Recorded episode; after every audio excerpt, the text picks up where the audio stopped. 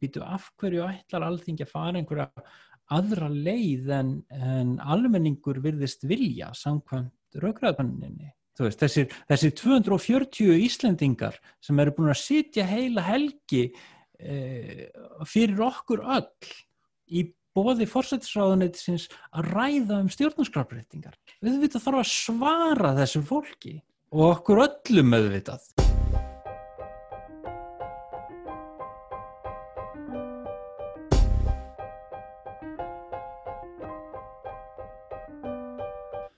Stjórnvöld hafa gert tvær alvöru tilraunir til eh, þáttökulíðræðis tengslum við stjórnarskrafbreytingar á síðustu árum. Fyrst með stjórnlaga þinginu og þjóðratkvæði greiðslunni árið 2012 og síðan með svonemdum rökræðu fundi um breytingar á stjórnarskrá sem haldin var í november 2019. Við vitum hverjurðu afdrif þjóðratkvæði greiðslunar, niðurstaða hennar var hunsuð En það kemur í ljós á næstu vikum og mánuðum hvort núverandi ríki stjórnmunni taka marka á niðurstöðum 230 Íslendinga sem voru slempivaldir til þáttöku á röggræðu fundinum í fyrra, fundar sem ríkistjórnin sjálf bóðaði til. Nýlegar tillögur um fórsetembættið benda þó til þess að lítið tillit verði tekið til röggræðu konunarinnar. Ég rætti við Sævar Fimboðarsson, doktorsnemi heimsbyggi sem leggur stund á líðræðisrannsóknir Hann er stjórnamaður í öldu líðræðisfélagi og einn af þeim sem komu að skipulagningu og úrvinnslu fundarins. En hann varar við afleðingum þess að stjórnvöld hunsi endurtekið niðurstöður líðræðislegs samráðs við almenning. Það muni grafa undan trösti á slíkum aðförðum og leiða til þess að fólk sjá ekki ástæðu til að verja tíma sínum í slíkt samráð. En við sævar byrjuðum okkar spjall á því að ræða um slembivalinn borgaraþing og möguleikan á því að efna til slíkra þinga til að eh, ná niðurstöðum í málum sem stjórnarflokkarnir vilast ekki ráða við eins og til dæmis fiskveðistjórnarkerfið og auðlundi ákvæði í stjórnarskrá. Slempið valið borgarþing er þing þar sem að e, sko þegar við tölum um það sem að kalla er á ennsku citizen assembly þá erum við yfirleitt að tala um samkomu þar sem að 100 til svona 200 slempivaldir borgarar koma saman til þess að e, rögræða um einhverjar e, tilteknar spurningar eða lagabreitingar eða eitthvað í þá veruna og eiga sem sagt að skila einhverjum niðurstöðum um, um það, einhverjum tillögum eða einhverju slíku og svo er sem sagt fara þessa tillögur í einhvers konar ferli í svona hinnum hefðbundnum stjórnmálum eins og þetta er í dag. Svara þetta spurningunni. Já, já. eða kannski vekur fleiri heldur en að það svarar sko, Írar hafa reynslað þessu. Þeir hafa tekið já. þrjú mál fyrir það ekki með þessum hætti. Þeir hafa sem sagt haldið þrenn slempivalin borgaraþing. Mm -hmm og fyrsta borgaraþingið uh, var haldið 2011 og þá var það reynda þannig að, að uh, það voru 66 slempivaldir Írar og svo 33 stjórnmálamenn á því þingi. Og því var sagt, falið að fjalla um uh, tilteknar breytingar á stjórnaskráni sem að Írska þingið hafði áhuga á að, að hérna, fá álit borgarþingsins á og, og síðan eh, var annað haldið núna 2015 og það borgarþing eh, fjallaði um eh, fimm málefni. Og þetta síðan, þetta gekk svo vel að það var blásið til annars borgarþings núna 2019 og, og þetta eru meir og minna svona málefni sem að þingin eiga oft erfitt með að eh, svona vinna með. Tekið sem dæmi sko hjónabönd samkynneigðra og fóstureyðingar á Írlandi. Eh, þetta voru náttúrulega mjög eldfim pólitísk mál þar í landi.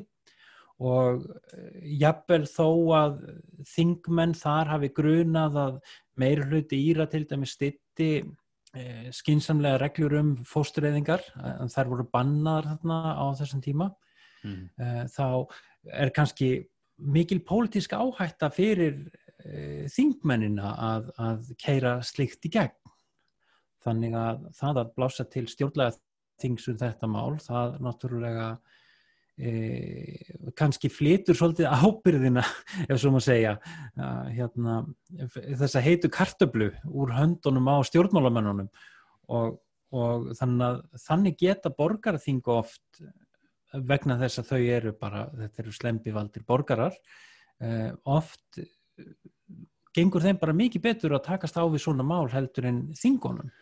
Og er það þá, ef við förum bara yfir ferlið eins og, eins og þá, þetta er þá 2015 eða ekki sem að þung, þungunarof og, og, og hjó, hjónaböndu samkynna eru tekið fyrir? Já. Uh, segjum bara, hver, hver, er það þingið þá sem að tekur það ákvörðun að þetta eigi að fara fram? Eða, eða er það eitthvað skonar, er það almenningu sem að setur fram þessa kröfu eða er það þingið sem ákvörður þetta af, af, af sjálfsláðum eða fyrirbræði? Uh, þetta getur náttúrulega verið með ímsum hætti en uh, við kannski komum betur að því setna í mitt sko að, að eins og þetta er í dag að þá er það þjóðþingin eða náttúrulega ef þetta er á sveitastjórnastíginu þá er það sveitastjórnir eða borgarstjórnir eða hvernig sem það er sá sagt, aðili í stjórnsíslunni sem að hefur ákvörðunavaldið eh, sem að efnir til þessa þings mm -hmm. og, og sagt, í, í írska tilfellinu að þá var það Írska þingið sagt, það er ríkistjórnir sem að eh, svona, eh, kemur þessu, þessu af stað og Írska þingið samþykir sem sagt að gera þetta. Og hvað eru margi valdir inn á, inn á þingi 2015, ástu það? Það voru, ef ég man, rétt 140. Og hvernig, hvernig er, þeir eru slembivaldir, er það síðan bara eitthvað stopnun á vegum hins ofnbæra sem fær það hlutverk að slembivelja eða hvernig? Nei, í þessu tilfelli þá var fengið eh, svona markaðsráðgjafar fyrirtæki svipað eins og okkar ágæta gallup til já, þess að annast þetta. Hér á Íslandi myndum við vantarlega að gera einhvað svipað og var gert hérna í raugræðufundinum uh, í november 2019 eh, þar sem að félagsvístastofnun Háskóla Íslands held utanum þetta ferli já. að slempi velja þáttakenduna Er það algjörlega blindandi bara eða er menn slempivalið, er, er þetta algjörð slempivalið eða er, er einhvern veginn valið eftir einhverjum, einhverju forskrift? Já, það eru heilmikil vísind í kringum þetta og, og margar spurningar auðvitað. Já, eins og með landsluta og þess að það eru tryggt að það komi... Já, þetta er það sem að kallast á ennsku stratified random sampling og þá erum við með svona hólfað slempival Um, og þá náttúrulega koma upp þessar spurningar eins og hvaða breytur það eru sem að skipta máli. Um, viljum við tryggja að uh, já, hver landsluti fyrir sig getum sett í íslenska samhengi og sagt hvert kjördæmi fyrir sig um, og það sé tryggt að það sé ákveðin fjöldi úr hverju kjördæmi sem endur spekli mannfjöldan í því kjördæmi Uh, og síðan náttúrulega kynja hlutvöldin, það er nánast alltaf uh, fyrsta atriði sem að fólk nefnir í þessu samhengi, það verður að tryggja uh, rétt kynja hlutvöld viljum við tryggja aldurs, að aldursamsetningin sé líka rétt? Akkurat. þannig að, að þetta en þetta er svona fræði sem að þetta fólk sem að er í félagsvísindum þekkir mjög vel mm -hmm. þar að segja eh, að, að ná fram uh, lýsandi úrtæki það er, eins og ég segi, mjög áhugaverð umræða sagt, síðan, sko, hvaða breytur það eru sem við viljum uh, já, já. tryggja að, að síni sig og ég get bara tekið sem dæmi, sko, að ef við varum að slempi velja uh, eitthvað borgarþing sem ætti að fjalla um málefni fólks á leigumarkaði þú veist, myndum við þá ekki vilja tryggja, já, það var einn spurningi sem kemur upp að það veri rétt hlutfall af leyendum versus þá sem að leia ekki. Þannig að kannski getur það tengst málefninu sem er til umfjöllunar líka. Einmitt. þannig að það er svona ímislegt í þessu. Síðan er sem sagt búið að velja þá sem eiga að sitja á, á, á svona þingi eins og þannig í landi 2015 Hva, hvað gerist þá næst? Eh, eru þeir, eh, verða, verða þessi einstaklingar í rauninni uh, launaði starfsmenn ríkisins á meðan þeir sinna þessu verkefni eða hvernig, hvernig, Hver er staða þessar fólk sem tekur það, að sér að sitja borgarling? Þarna e, skapast oft vandin, sjáðu til. Sko, í írska tilfellinu að þá var það nú þannig að fólk fekk svona, ég hef stundum grínast með það þegar ég er að segja fólki frá þess að fólk hafi fengið vatn og brauð. En, en það var í rauninni þannig að, að fólk var ekki á launum á meðan það tók þátt í borgarþinginu þar að segja, en það sagt, ferðir og, og gisting, þetta var nú haldið að sem sagt hefur verið haldið á, á stóru hóteli í, Malahætt sem er rétt fyrir utan Dublin. Eh, fólk fjekk gistingu og, og máltíðir og þess áttar mm. en ekki laun sko. En síðan eh, sko ef við tölum aftur um rökræðufundin sem að fór fram hérna á Íslandi í november að þá fjekk fólk greitt greitar 30.000 krónur uh, fyrir að taka þátt í fundinum og uh, það var reynda rökraðu kannun en ekki borgarþing og, og mm. hérna en Jim Fiskin sem að hefur er uppafsmaður rökraðu kannunanna hefur lagt miklu áherslu á það að það verður að tryggja að fólk fái greitt fyrir að taka þátt. Fyrir utan það náttúrulega að það þarf að greiða fólki útlaðan kostnað líka sko. Já. Og þetta er bara líkil atriði í slempi valinu finnst mér að sagt, tryggja það að fólk sem að býr á landsbyðinni uh, það komist á staðin uh, fólk sem að kannski þarf að vera að vinna um helgar að það sé ekki að tapa tekjum vegna þess að það er að mhm. taka þátt því þá er það að færa meiri fórnir en aðrir og það getur haft áhrif og sagt, skekt úrtækið sko. Þannig ég held að það sé mjög mikilvægt og eins líka bara til þess að sko sína fram á það að við, við erum að ætlast til þess að þér að þú uh, mætir og þú takir þetta alvarlega og, og sína, sína þessu fyrirbæri sem borgarþingið er ákveðna virðingu. Og, og hérna þannig að ég held að Íratnir hafi nú hefðu betur mátt greiða fyrir þetta en þeir gerðu það ekki en fólk tók nú samt þátt. Já. Og hvað er þetta mikil eins og hjá Íránum 2015, oft, hvað, hvað er þetta mikil vinna? Já, sko, fólk kom og satt heila helgi nokkrum sinnum á ári sem þetta meðan að þetta borgarþing stóð yfir og hérna, þannig að það er heil mikil vinna, sko. Það bara, þú veist, eiginlega frá mótni til kvölds, sko, heila helgi á svona borgarþingi að ræða við fólk og hlusta á vittnisspur sérfræðinga og, og, og svona hagsmuna aðila og annað þannig að þetta er rosa vinna sko.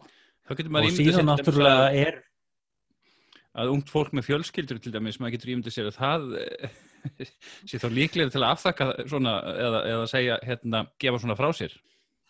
Það er náttúrulega þetta með tímaskortin sko eh, en hérna og, og þá er reynd að mæta því að þetta líka sko eh, með því að fá fólk úr, úr sama svona þjóðfélagshópi sko.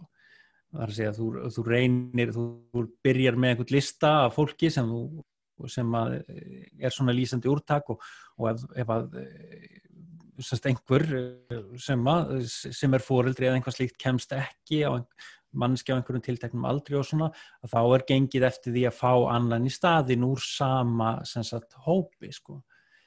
þannig til þess að halda sko, úrtakinu réttu. Og þetta getur verið náttúrulega tölverð vinna.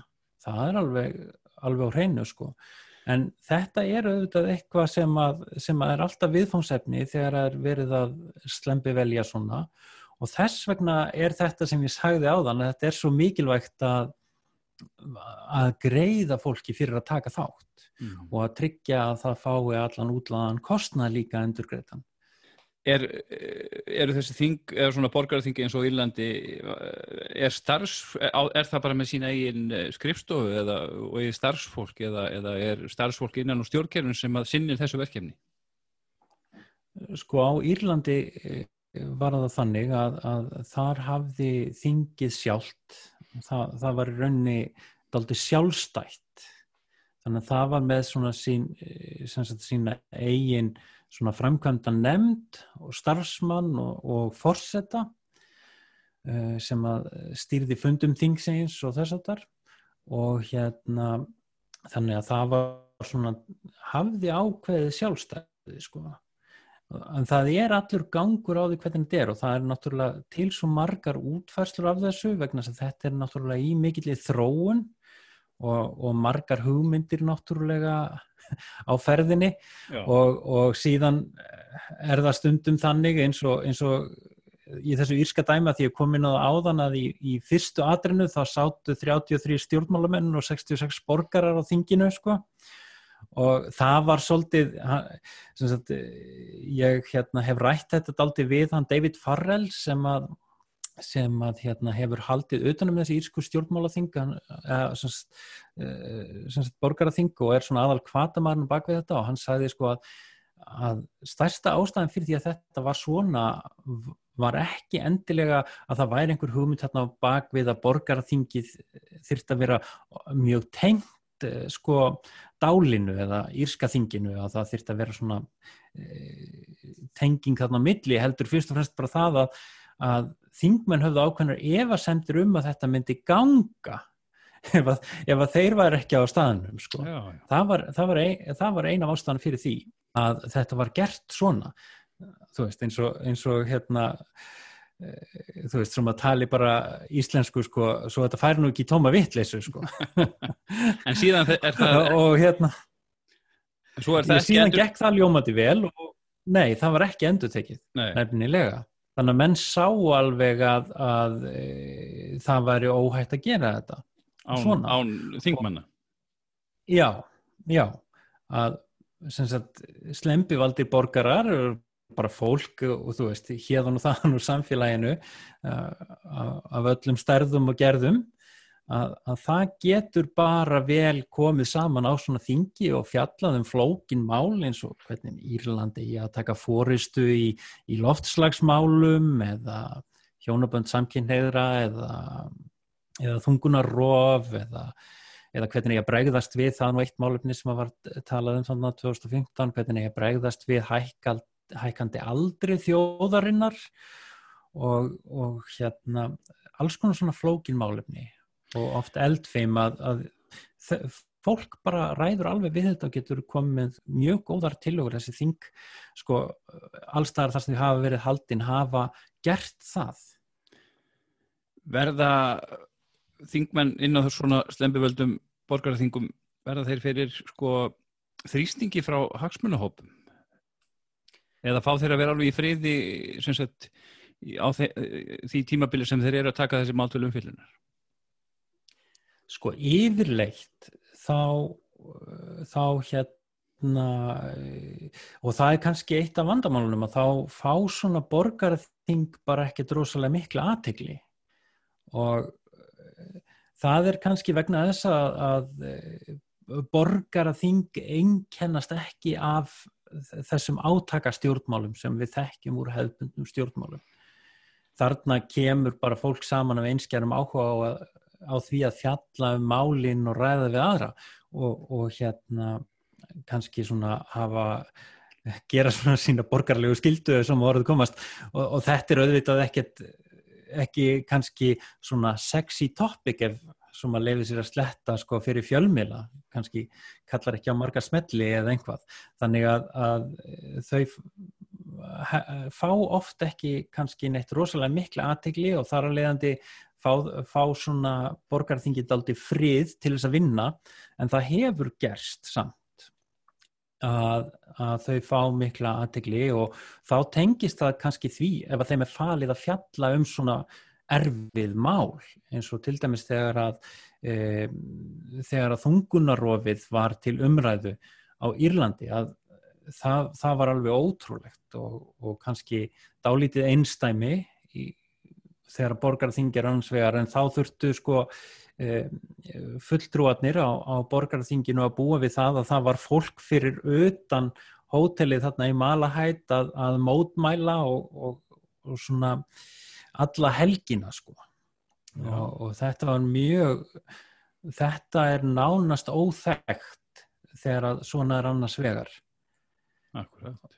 en fólk let sér samt hafa þetta og, og, og því ég mann og ekki ég er ekki alveg með það í kollunum en mér minnir að þetta hafi verið sko umræðu efni borgarþingsins á sko fjórar helgar í röð og þau fengu gríðarlega mikið af innsendum aðtóðsendum frá almenningi fleiri fleiri tugið þúsunda aðtóðsenda sko já, já. sem var náttúrulega uh, veist þannig að þetta, þetta er mjög sjálfgeft sko, yfirleitt fá þau bara allt of góðan vinnufrið ef svona verður komast. Já, já, en uh, síðan sagt uh, fá þessi borgarþingu upplýsingar hérna það en það ekki og það koma sérfróður aðeinar eh, til fundar við hennar hópið það ekki og, og jú, jú. hann ræður á þau sínum og, og hver, hver er svo afraksturinn? Er það, er það þá, bý, býr þessi hópu til frumvarp eða er það álíktun eða hvernig og hvað er svo gert, hvernig er þetta svo unnið áfram eins og Írlandi til dæmis yfir í lög?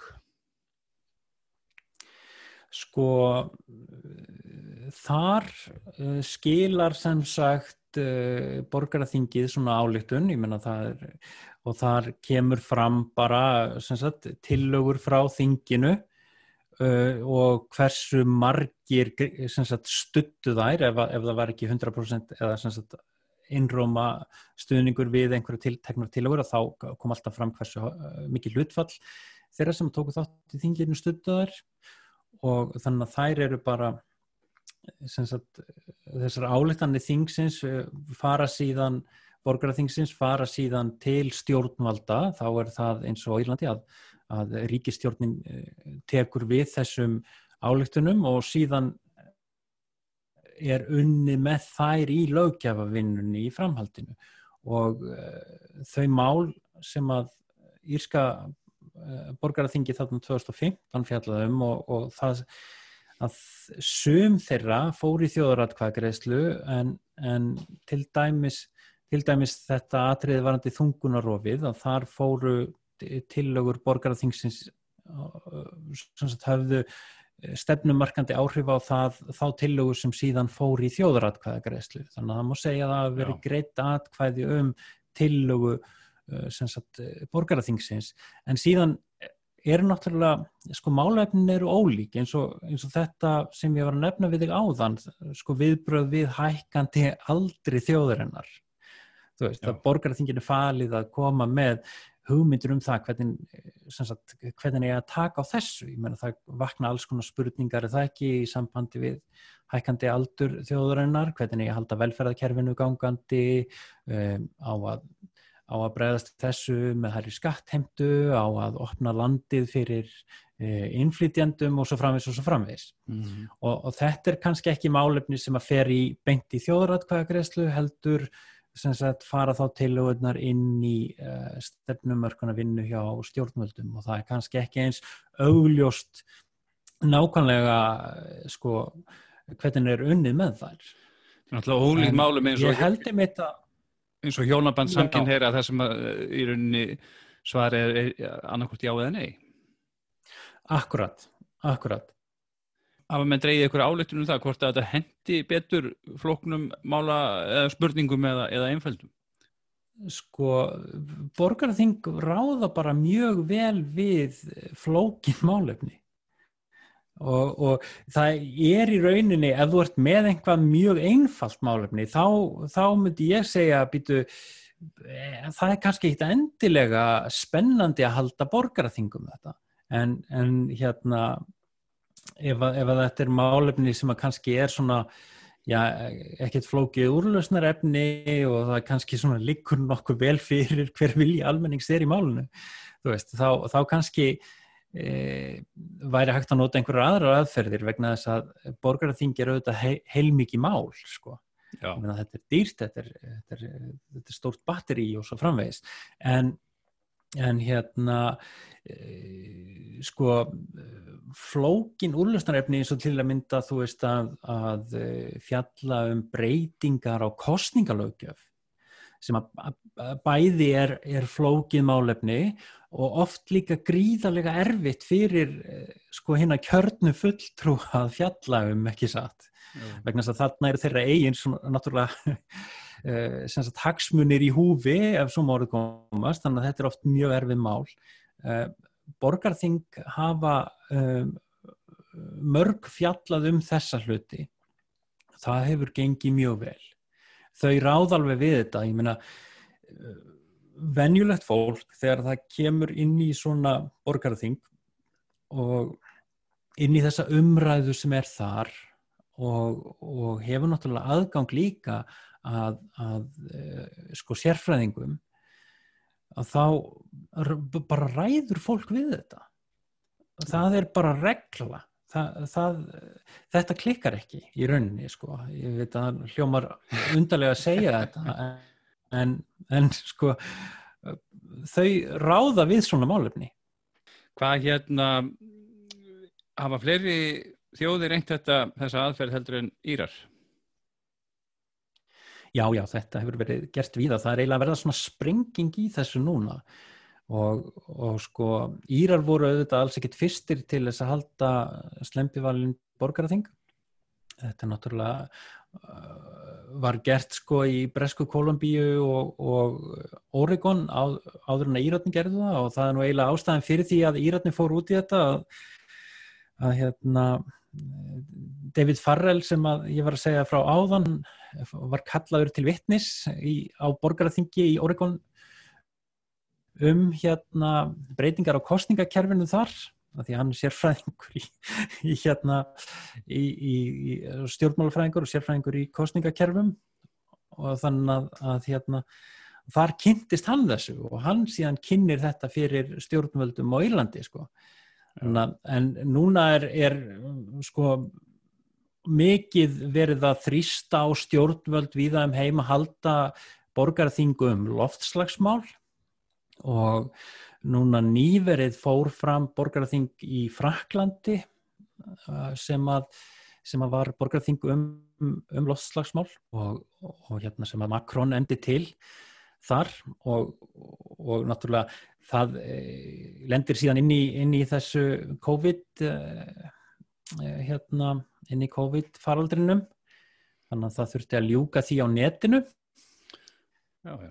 Og, og sagt, það er búið að, að afgreða sína tillögur franska borgarþingi um lostslagsmál og, og hérna mjög áhugavert vegna þess að það fjekk náttúrulega mjög snúi verkefni að, að sagt, reynlega bara frá grunni að upphugsa tillögur uh, fyrir frönsk stjórnvöld til þess að bregðast við þannig að hægt sé að draga úr losun um, alltaf 40% frá viðmiðinu 1990 Þetta myndi ég til dæmis halda að væri vonlustu verkefni fyrir fólk sem að kemur svona nýtt að, að borðinu. Já. En viti menn. Kom eitthvað að viti út úr það er nefnilega, nefnilega tilfellið að það, það komu ímsatillögur út úr þessu og sumar bara bísna róttækar og, og það verður mjög gaman að fylgjast með því hvað verður úr þessu, hvað, hvað verður gert við þessu tillögur og, og því að þetta vel náttúrulega mikið á sko Makrón sjálfum því að, því að það er hann sem að lætur halda þetta þing og, og hann þarf síðan að koma þessum uh, málum í svona ferli í, í hérna pólitíkinni þar í landi og, og hérna það verður mjög áhugavert að sjá það. Ég meina til, til að mynda einn tillagan sem að, sem að var þarna er á þá leið sem sagt að, að það þurfi að, að taka í gegn húsakost eh, frakka eh, og svona einangrun og, og glerjun og þess aftar að þetta skuli allt saman tekið í gegn fyrir árið 2030 eh,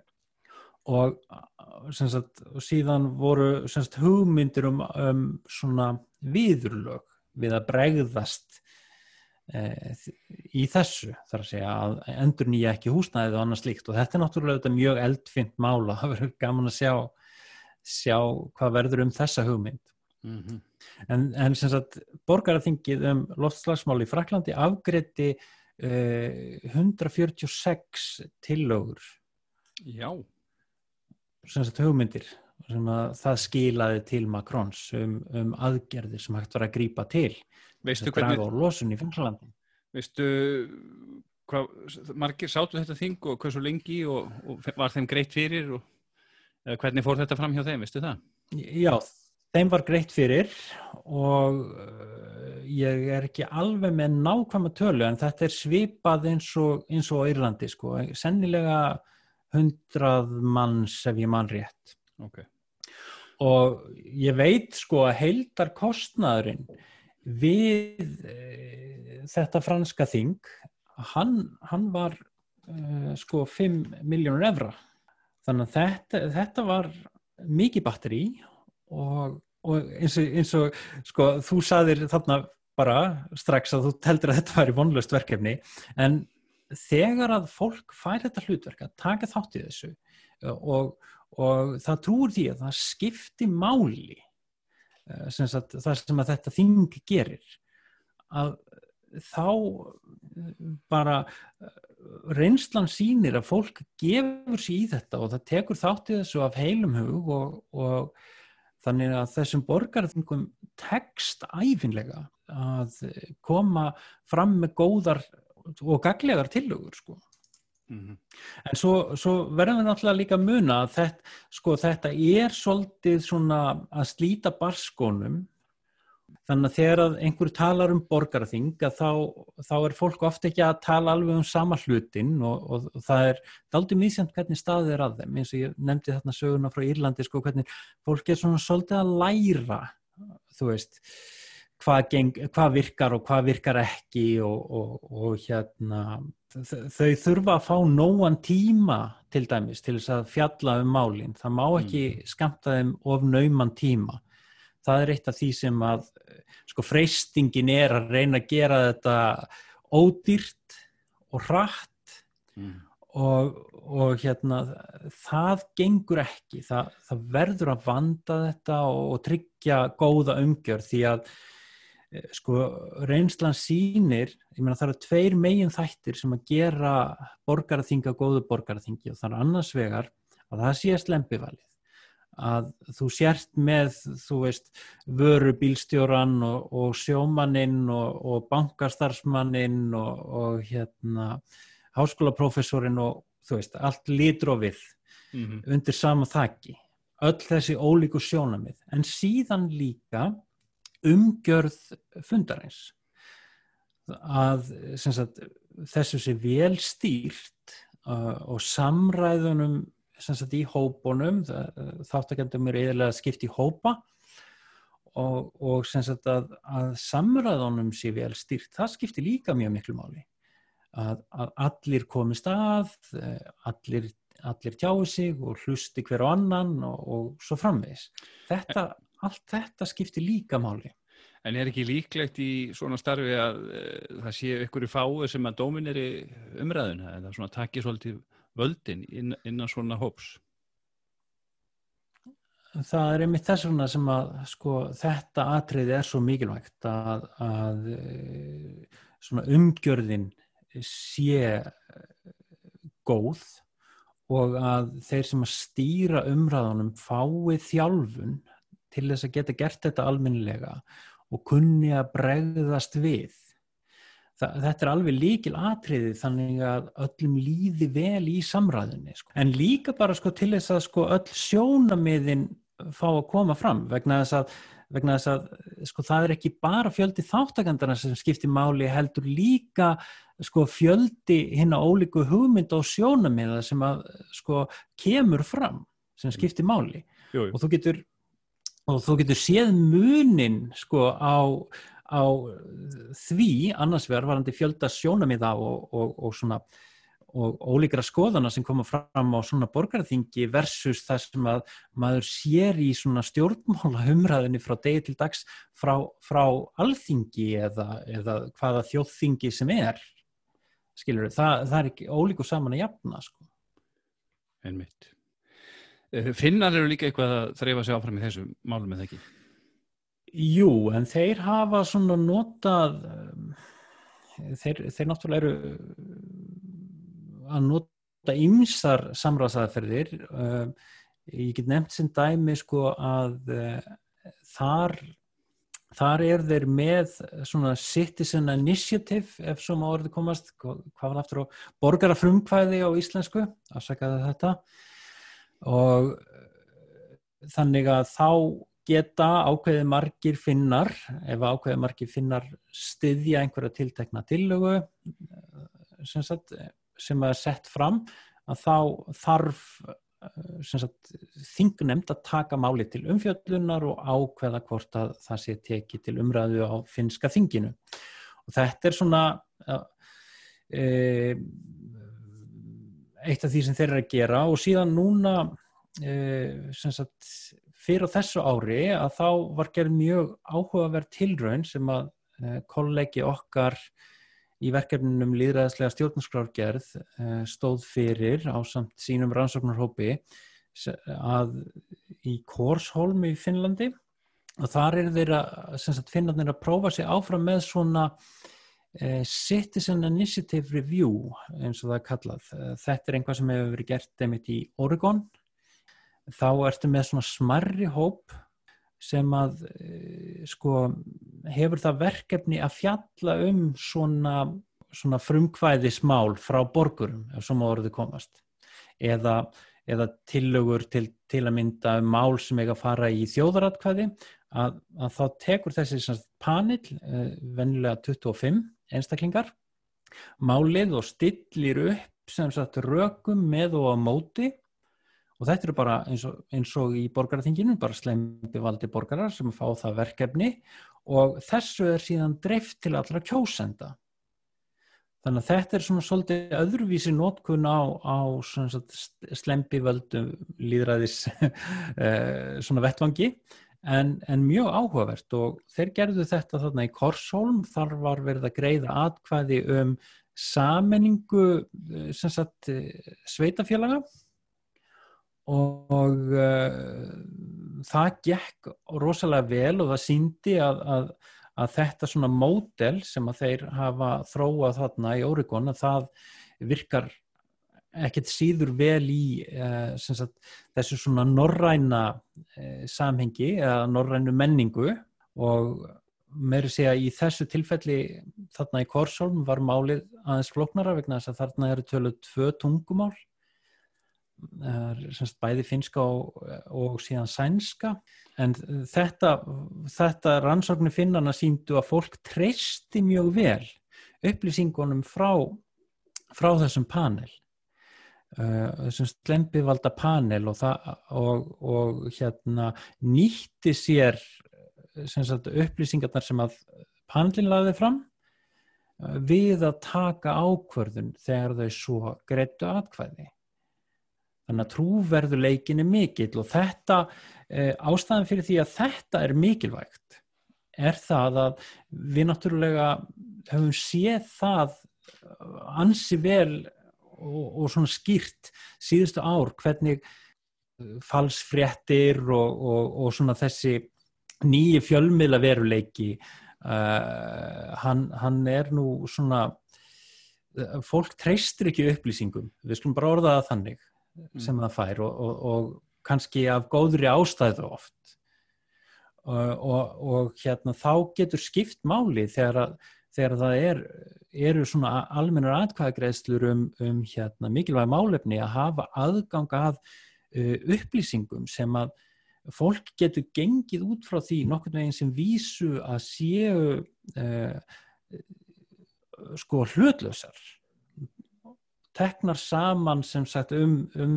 það málefni sem að er til umfjöldunar af eins og í þessu tilfelli slempivaldum borgarum sem að eru fyrst og fremst þarna til að taka saman hlutlausar upplýsingar höfum, og, Nú höfum við farið gegnum samanninga sveitafélag Já bara núna nýverið eins og fyrir austan er, hefur svona aðferðum verið beitt hér? Eitthvað í líkingu við? Nei, ekki Já sko, hér heima hefur þetta fyrst og fremst verið svona verkefni sérfræðinga að, að gera svona hluti mér er ekki kunnugt um það að, að, að þetta hafi verið gert uh, á, neittnhátt sem líkist þessu hér heima sko. og sko þetta er einmitt eitthvað sem að enn einn svona nótin fyrir svona slempivalda uh, vettvanga vegna þess að ég held bara, ég meina við vorum með hérna æssef atkvaðagreðsluna á sínum tíma og þá, þá var sko í staðin fyrir að þú væri með einhvern svona, eitthvað svona borgarþing sem fjallaði um það og, og legði til eitthvað eða útbyggja upplýsingar, ég menna þú veist það er hægt að fara báða leiður í þessu að, að þá voru svona já og nei fylkingar einhvern veginn. Já, og, og stjórnmálaflokkarnir og, og svo fer allt í þennan kunnulega átakafarveg sem við þekkjum svo vel.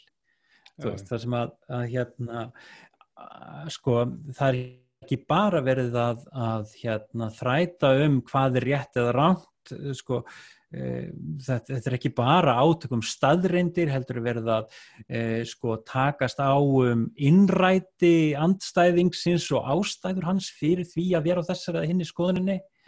Og það er alls konar svona óviðkomandi þættir sem að skipta máli þar og, og toga í ólíkar áttir og spilla spilla hreinlega umræðinni Já, já Þannig í Finnlandi þetta með þingið að, að, sagt, að almenningu geti uh, farið fram á það að mál séu tekinn til umfyllunar hjá þinginu. Er þetta komið mm -hmm. til mhm. framkvæmda? Já, sko þeir hafa verið með þetta fyrirkomulag núna í allmörg ár. Þetta, þetta, þetta borgarafrumkvæði. Já, þetta hefur verið, það eru nokkur mál sem að hafa farið í gegnum þetta sístem en, en sko þar er það þannig að það er þingnemt sem að tekur við málunum. Og hugmyndin, sko, ég veit að það er, það er nú kannski einmitt einn hugmyndin sem liggur á bakvið þessa tilraun hjá Mæju og þeim, eh, sem sagt kollegum okkar í Finnlandi, að sína fram á að í staðin fyrir að það sé kannski einhver þingnemt sem að taka við málunum, þá sé kannski bara ágætis hugmynd að láta svona, svona slempivalin panel taka við, taka við sagt, þessum hugmyndum og, og, og vísa þeim áfram. Skila þá niðurstöðu til þingsins? Já, skil niðurstöðu til þingsins eða meðmælum um það hvort að eigi að e, sagt, e, taka máli lengra mm. eða einhvað slíkt. Ég meina, sko, vandamálið hérna sem við kannski líka sjáum svo oft eh, varðandi tillögur frá svona borgarþingum eða raugraðu kannunum eins og þeirri sem var haldin hérna á Íslandi eða e, núna síðast er það að eru stóla mennir sem að standa að þessum fyrirbærum. Þeir velja málinn sem að þessi borgarþing e, fjalla um og svo er það undir stjórnmálamennunum sjálfum komið hvort það er einhvað sko gert við málinn skilur mig, Já. þau kannski stoppa bara, borgararþingið e, fjallar um einhvað málefni eins og loftslagsbreytingar þarna á Írlandi eða á Fraklandi og kemur með alls konar fínar hugmyndir og sumar jafnvel bísna róttækar. Bæði borgararþingi á Írlandi og Fraklandi komur með bísna róttækar og, og merkilegar hugmyndir. Það er alveg undir hælinn lagt hvað verður gert við þar borgarþingið hefur ekkert autoritet í sjálfum sér og það er ekki eh, sagt, eins og þarna í Fraklandi það er ekkert fyrirfram sko ákveðið og það verða verður þjóðaratkvæði greiðsla um þetta eða þingið verður að fjalla um tilögurnar eða eitthvað slíkt mm -hmm.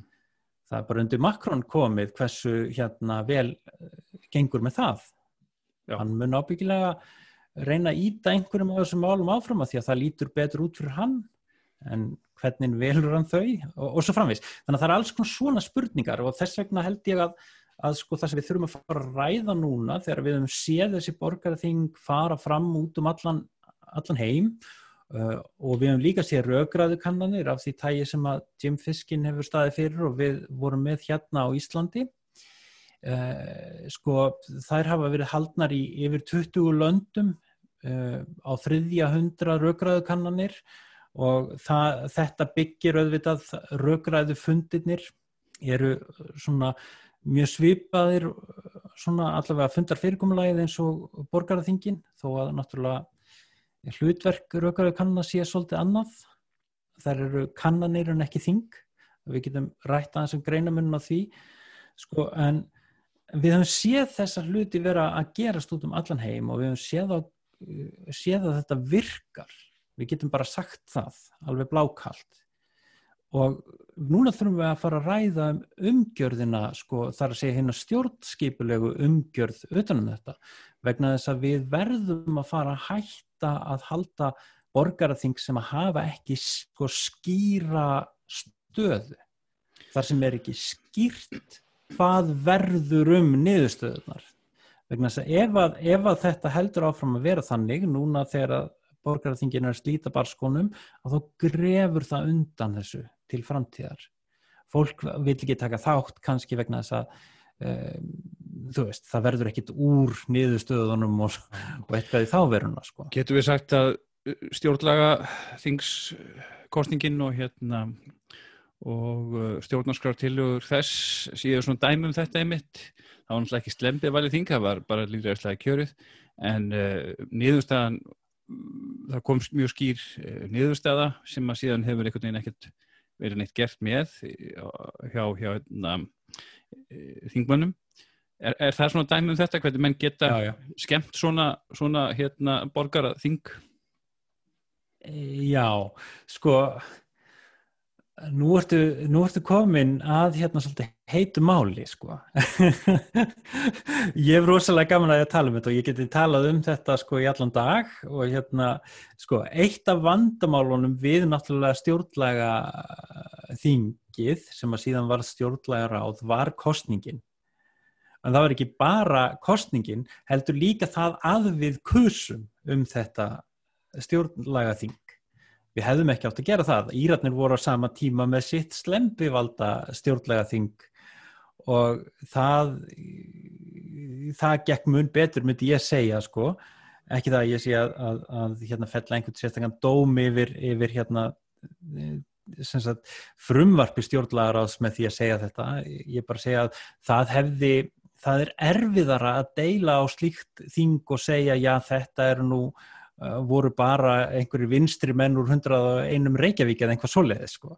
þú, þú getur ekki dæmt þú getur ekki dæmt stjórnlega ráð eða þingið úr leik á þeim fórsendum og hunsa það á, þeim fórsendum og farið að tala um, um sko ógreitt atkvæð og einhver þess að það sko.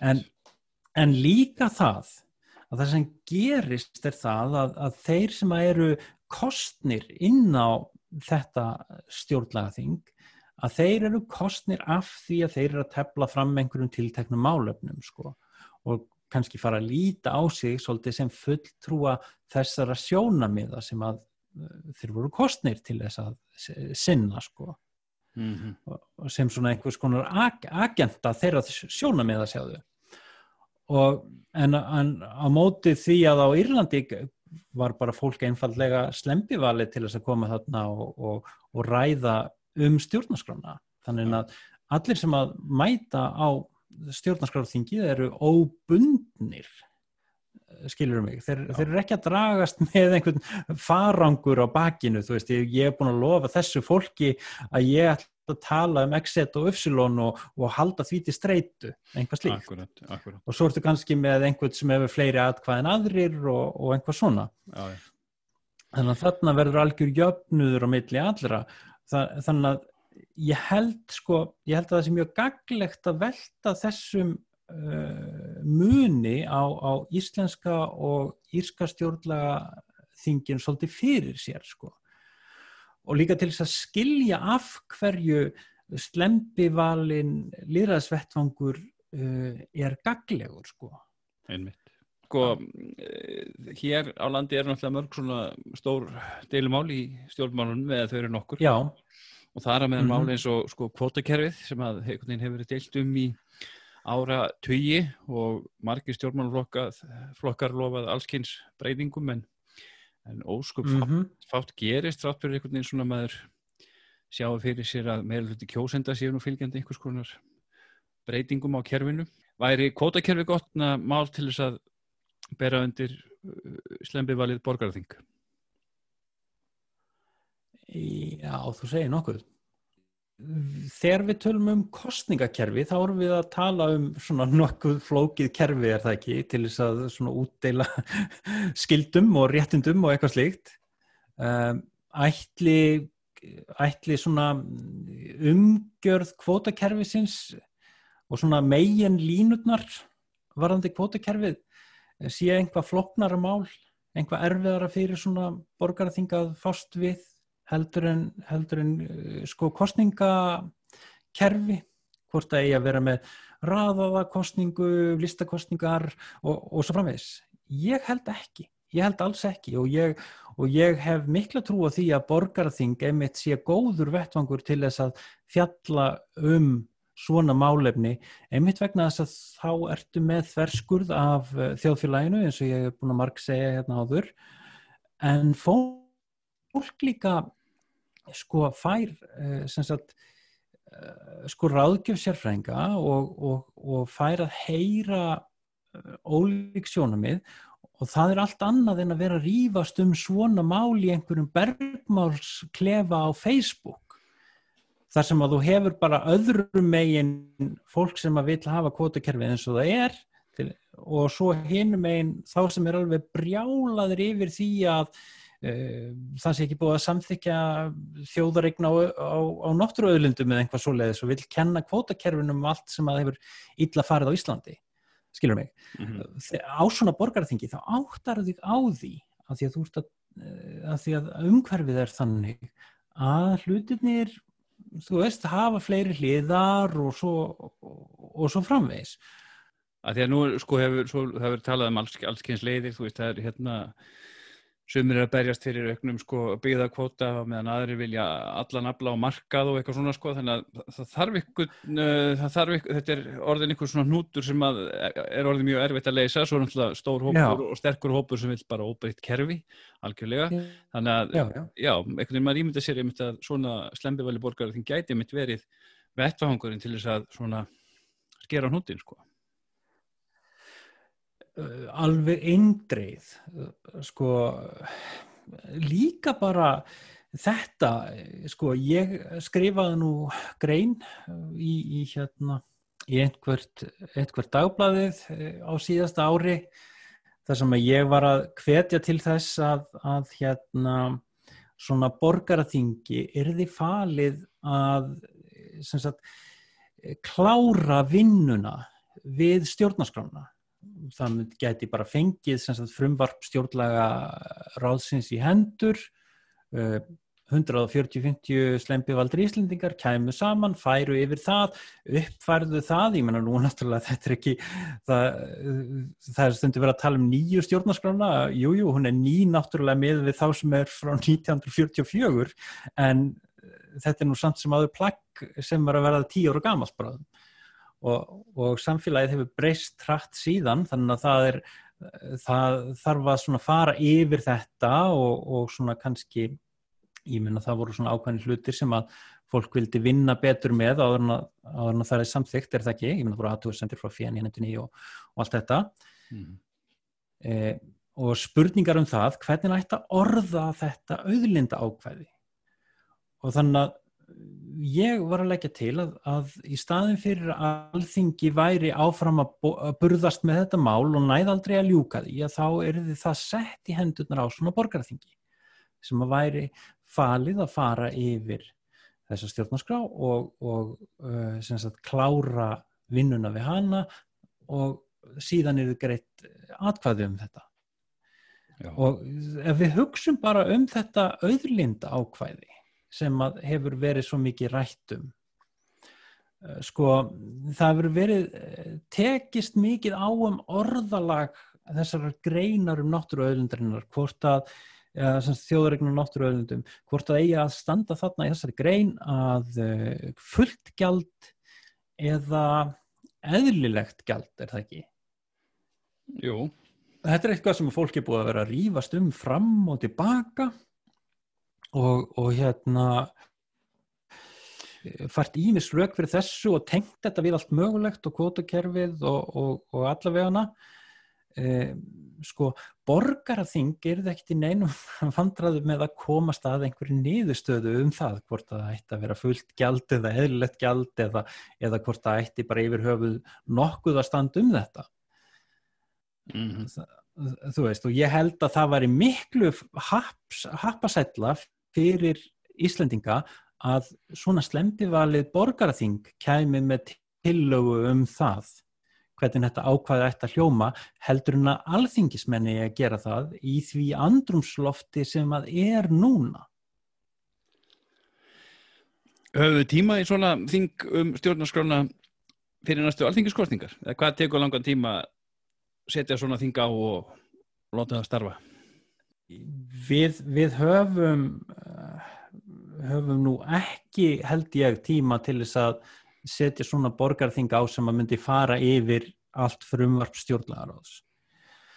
Um, við heldum og, og verkefni sem sagt líðræðslega stjórnarskrafgerð sem að, sem að ég tengist og, og semst hluti af rannsóknum teiminu í við komum að raugraðu kanninni sem að haldinn var núna uh, í sambandi við hérna breytingar á stjórnarskráni þess að áhællin fórsættisráð þeirra sem að hefur verið sett fram. Hún sem sagt á að ná yfir tvö kjörtíma bil og það er búið að skipta verkefninu niður í, í, í svona í svona holf og ákveðni hlutir eiga nást fram. og ég held að við höfum alveg tíma til þess að halda borgarþing sem að fjalli um þessi atriði sem að á að ná á þessu kjörtímabili og var ekki fjallað um í raugræðaköninni eh, ég held, ég held það sem að myndi skila sagt, tillögum um þau atriði.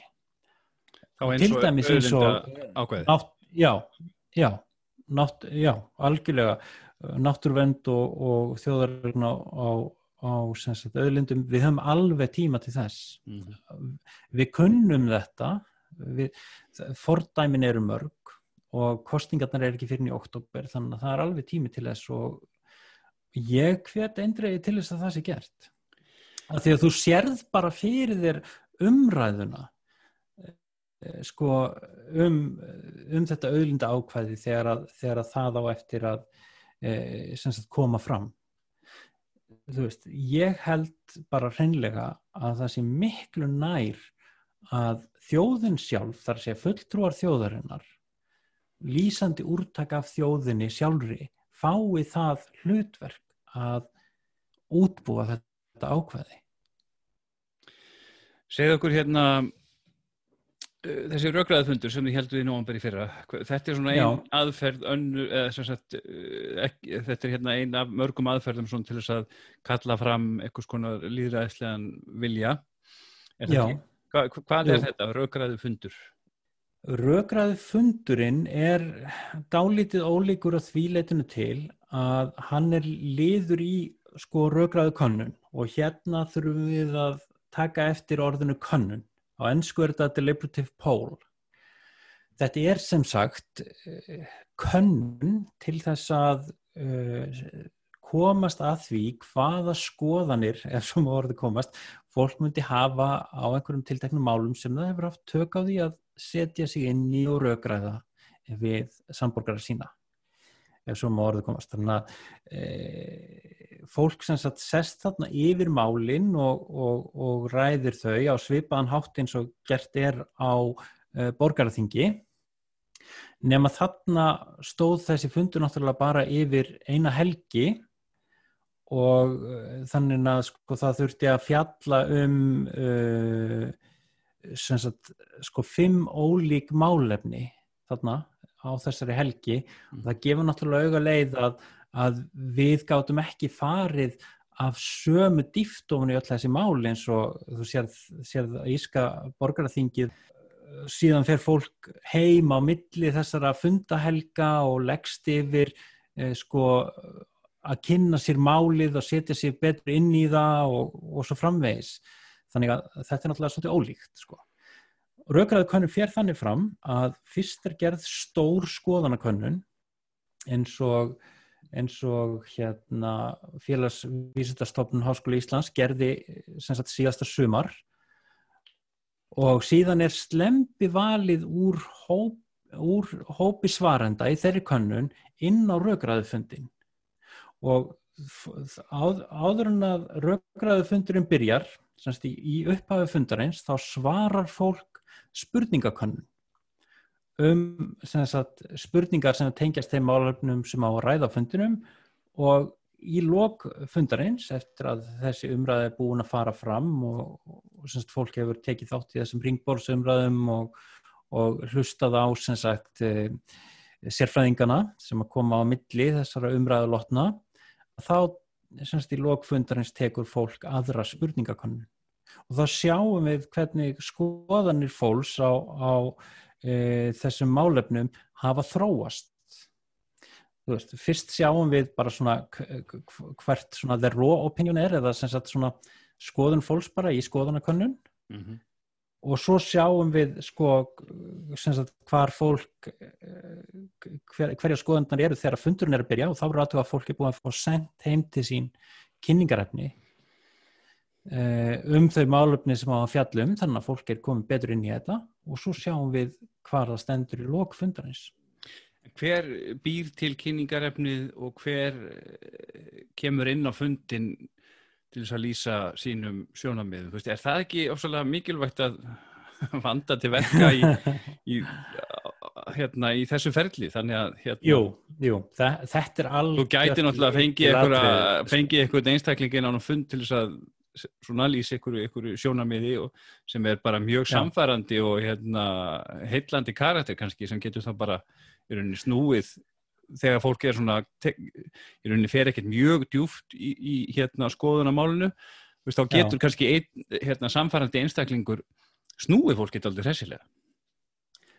Já sko uh, þetta, þetta er einmitt svona gríðarlega hérna góð spurning hjá þér sko.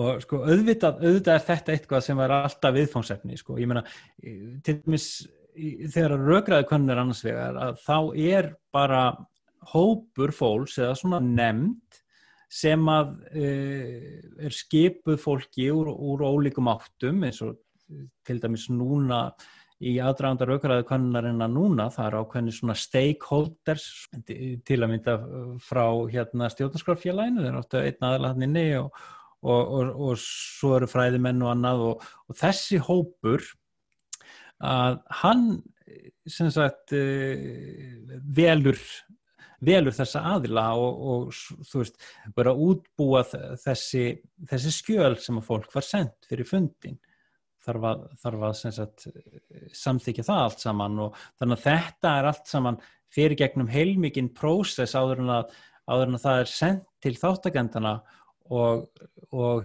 hérna það hverjir eru valdir til þess að, að koma e, fram á röggræði fundinum sjálfum. En, en sko og þetta á almennt við um svona röggræðu eða slempi valda valin þing sko nema að sko slempi valdu þingin hafa ákveðið svona sjálfræði sem að röggræðu fundirnir sem er hluti af raugraðkanninni hafa ekki. Sko það er til dæmis eins og þetta var, hefur verið á Írlandi og við getum líka tekið til, til að mynda þennan loftslags uh, raugraðfundi í, í, í Fraklandi að þar er bara sagt, þinginu skipaður ákveðin fórseti og þingi getur ákveðið að kalla til einhverja aðila líka Já. Þa, þú veist, þannig að, að borgarþingið á Írlandi já, já mm. Gerði það í einhverjum tilfellum og, og, og hérna þetta var líka gert í Fraklandi fólk óskaði eftir að fá meiri upplýsingar um einhver ákveði mál til þess að geta tekið ákvörðun. Eh, þeir lengdu, meiri segja óskaði eftir því að fá lengja borgarþingið þannig 2015 og sköpt því stjórnvöld vegna þess að þau teldi þessu ekki ná að klára umræðuna á þeim tíma sem þeim var gefin og eitthvað slíkt. Þannig að mm. þetta er svolítið annað fyrirbæri sko. þetta er þing, þetta er líðræðisvettvangur sko. mm.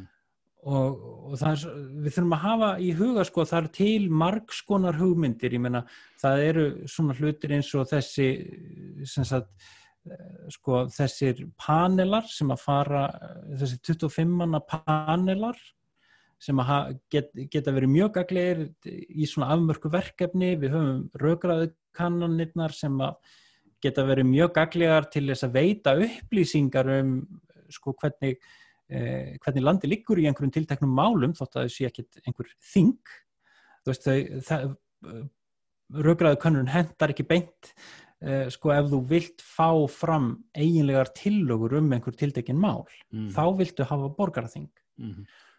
og það, það er þess vegna sem að ég er að segja það að ég myndi frekar vilja núna uh, varðandi þessi málefni eins og, eins og hérna þjóðar eign á auðlindum að það væri borgarþing sem fengi það verkefni að fjallum þetta mál og koma með bara tillögu um hvernig þessi grein ætti að hljóma.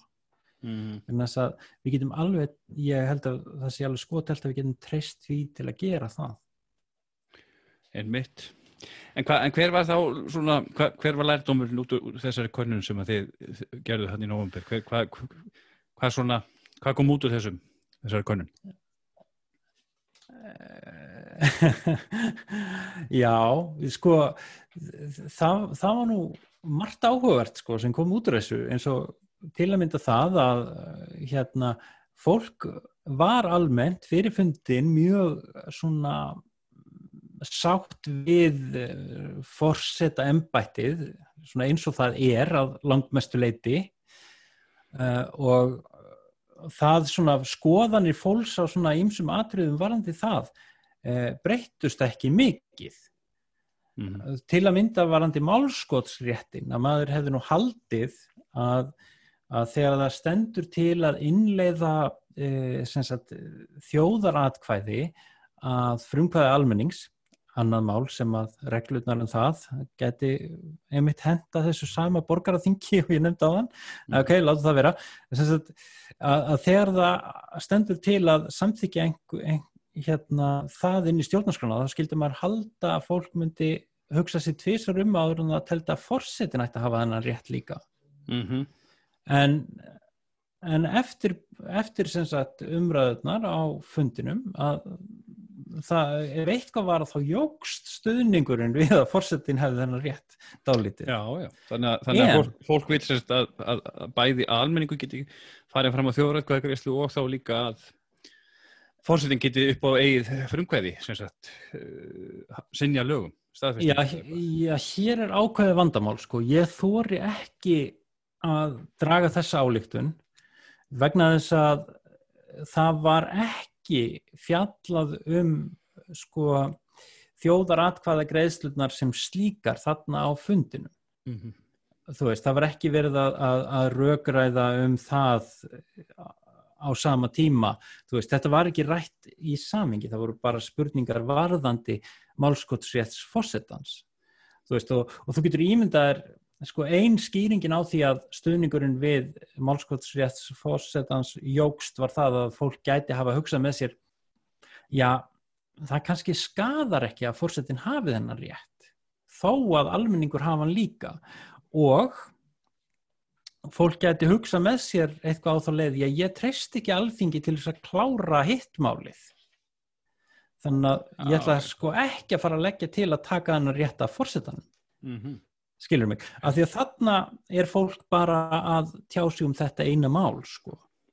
En ekki um þetta í samhengi. Og þetta er náttúrulega kannski ákveðin galli við það að fjalla um stjórnaskrána í bútum. Mm -hmm. skilur mig, en ekki svona heildstætt. En þetta þykir mér nú mjög skinsamlega niðurstæðar já, í þessari konun hva, hva, Já, hva, og annað mál. Já. Já, ég menna það er einkenni á rökraðu fundum ég hljómi svo bíluplatta, ég verð bara að byrja þig um að afsaka þetta en, en sko annar atriði þarna sem að sko, mér finnst rétt að nefna það af því að núna er sagt, komið fram svona frumvarp um, um hérna forset, kaplanum Forsett Íslands mm. ja, frumvarp um breytingar á stjórnarskráni og, og hérna þá finnst mér rétt að nefna það að, að, að eitt af því fáa í sambandi við Forsettan sem að skoðanir sko breytust mikið á. Það, það er í sambandi við hvernig fórsetin er kosin og e, það var engin umræða um það á þessum fundi að því að sagt, kostningafyrirkomulæði kringum e, fórsetikostningar var, var rætt alveg sérstaklega á fundinum. Mikið rætt. Og það var engin að, að halda því fram að það ætti að vera sex ára kjörtímabil. Það, sagt, ég þóru ekki að segja engin en það var, það var allavega alls ekki ábyrrandi neinstadar en það sem að fólk hafði hins vegar áhuga á var að breyta kostningafyrirkomleginu það voru bæði hugmyndinu það að hafa tvær umferðir eða þá að taka upp raðaða kostningu og þegar upp var staðið þá fekk hugmyndinum raðaða kostningu aðeins meira aðeins meiri stuðning og við sáum gríðarlega mikla breytingu þarna frá því sem var fyrirfund og eftirfund vegna þess að þegar fólk hafi fengið tækifæri til að leggjast yfir þetta og ræða þetta og skiptast á skoðunum að þá, e, þá sagt áttaði fólk sér á því hvað þetta er sniðugt. Eh, Þannig erum við komið, hérna komin að enn annari skinsamlegri niðurstöðunni. Já, en, en, hvað, en, en hvað verður svo um þetta? Veist, hvað, hvað sér þú svo fyrir þér að uh, stjórnaraði geri, eða ríkistjórnin geri með þessar niðurstöður og þessari konun? Hefur þetta einhver áhrif á þeirri tillögu sem liggja fyrir nú þegar? Ég skal ekki segja það, sko, það eru ákveðin vonbriði að sjá ekki tekið tillit til þessa í frumvarpinu sjálfu. En nú náttúrulega á eftir að fjalla um þetta frumvarp á alþingi og þetta eftir að fá umfjöldunum í nefndinni uh, við sem sagt í líðræðisfélaginu Öldu og við í hérna verkefninum líðræðislega stjórnarskrárgerð skiluðum hérna e, sem sagt aðtúasendum við þetta og bendum á þetta. Aðtúasendum við frumvarpið og bendum á þetta að, að vorum að vekja aðtikli þingmanna og, og, og ráð þeirra á þessu. E, og við skulum nú ekki gefa upp alla von að þetta hafi engin áhrif og, og það verði bara kosið á sex ára fresti með sama hættu en núna. Ég, ég trúi því ekki að það, að það verði niðurstaðan. Ég vil frekar trúa því að þetta hafi áhrif að það verði hlustað á þessum niðurstöðu. En Það kæmi manni samt ekki þetta óvart. Ha, svona miða við það sem hefur gengið, gengið á hérna að, að stjórnvöld myndi síðan ekkert gera með þetta, þú veist. Já, já, já meina, það er það sem er óttast og þetta er það sem ég var að segja á þann sko að, að við þurfum núna að fara að hugsa vandlegar um stjórnskiplega stöðu svona fyrirbæra. Vegna þess að sko ég verði að taka viðtal við þátt, viðtöl við þáttakendur í þessum raugraðufundi núna í sumar og svona spyrja fólk út í upplifun þeirra af þessu og, og sjálfsagt að auglýsa hérna podcastið okkar í líraðslegri stjórnarskrár gerðaðins Uh, af því að ég veit að það er hálf þjóðun að hlusta á podcastið þitt. En sem sagt og það er, það er á stjórn, stjórnaskrá.h.is já og, og þar, þar hef ég verið að ræða sagt, við fólk um upplifun þeirra affundinum og, og svona ákverji fólk skipti um skoðun og annað í þeimdur eitt af því sem að sem ég heyri á fólki er það að fólk ætlast til þess að það verði nýtt sem kemur frá raugraðufundinum að mm. það sé hlustað það er ekkert endilega krafan hjá, hjá þessum þáttagendum að það sé bara sagt, fari nákvæmlega eftir nýðustöðunum það sé bara horta ok, svona margir vildu þetta, þá gerum við þetta. Heldur að hort sé á þetta og ef það á að gera einhvað allt annað og gera ólíkt það þarf að svara því býtu af hverju ætlar allting að fara einhverja aðra leið en, en almenningur virðist vilja samkvæmt raugraðbanninni þessir, þessir 240 Íslendingar sem eru búin að sitja heila helgi eh, fyrir okkur öll í bóði fórsættisráðuneytisins að ræða um stjórnarskrafbreytingar við veitum þarf að svara þessu fólki og okkur öllum meðvitað. En, en hvenar, hvenar eh, liggur þá niðurstaðin úr þessu fyrir? Hvenar sjáum við hvort að hversu mikið mark verður tekið á þessu? Hvenar eiga þessar tilögur að liggja fyrir? Sko, náttúrulega það búið að kynna niðurstöður uh, röggræðkonunnarinnar uh, síðan... Já, ég minna frumvarpið frá stjórnvöldum. Já, síðan er, er, er náttúrulega verið að vinna þessi frumvarp. Ég veit náttúrulega ekki nákvæmlega hvernig það stendur allt saman. Mm.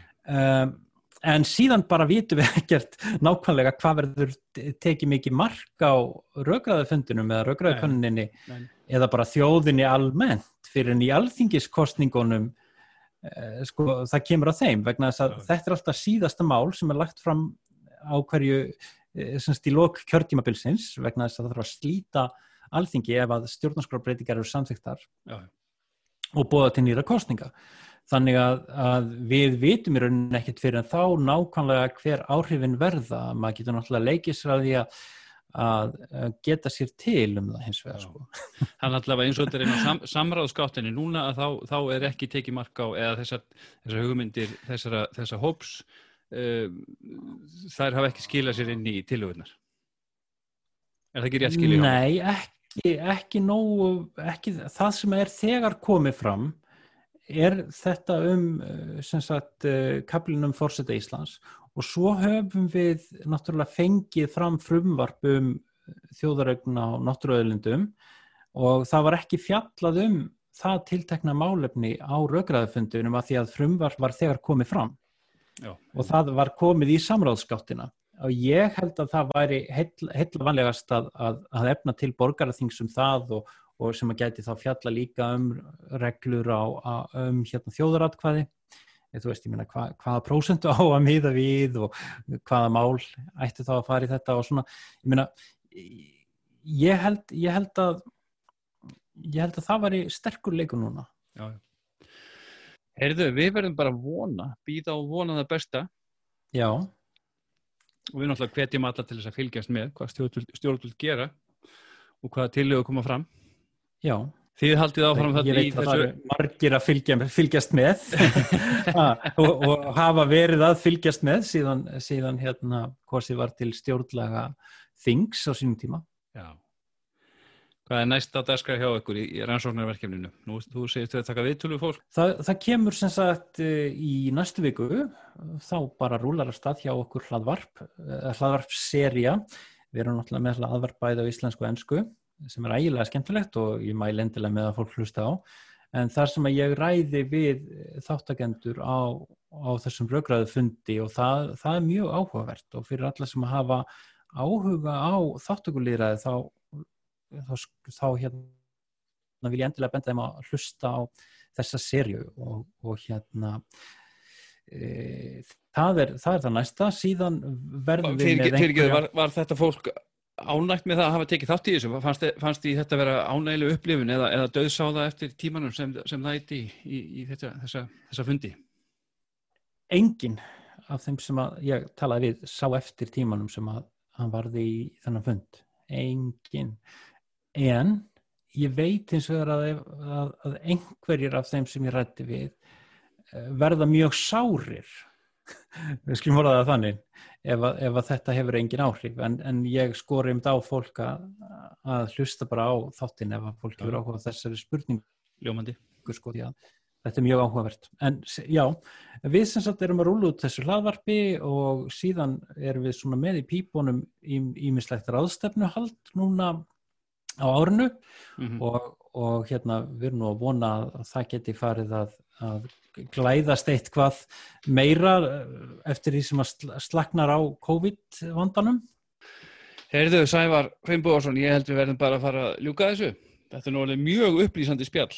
Já, mín er bara ánægjan. Alltaf ég... gaman að því að tala um borgarating. ég var það ekki og þeir sem vilja sem sagt eh, fræðist eitthvað meir um þetta, þeir geta farið inn á vf stjórnaskrá.h.is, er það ekki þannig? Jú, eða constitution.hi.is fyrir þá sem að eru forframaður á ennskri tungu Nákvæmlega, og það er þetta nálgast þessi hlaðvörp og það er að koma nýtt Já. í næstu viku sér og svo er e, niðurstöður þessar könnunar sem Já. það er líka þarna líka inn á þessum vefið eitthvað Já, og, og líka inn á vef félagsvístarstofnunar Háskóla Íslands og, og það er eh, algjör hérna, bónansa fyrir tölfræðin örda að, að fara í gegnum það því að það er svo gríðarlegar upplýsingar um, um hérna e, sko hvernig skoðanir fólks þróast og flokkað eftir þú veist ótrúlegustu líðfræði breytum sko að hérna það er alveg magnað að skoða þetta. Þannig að ég skora á alla nörda stjórnmála og tölfræði nörda að kíkja á það. Ljóma spennandi.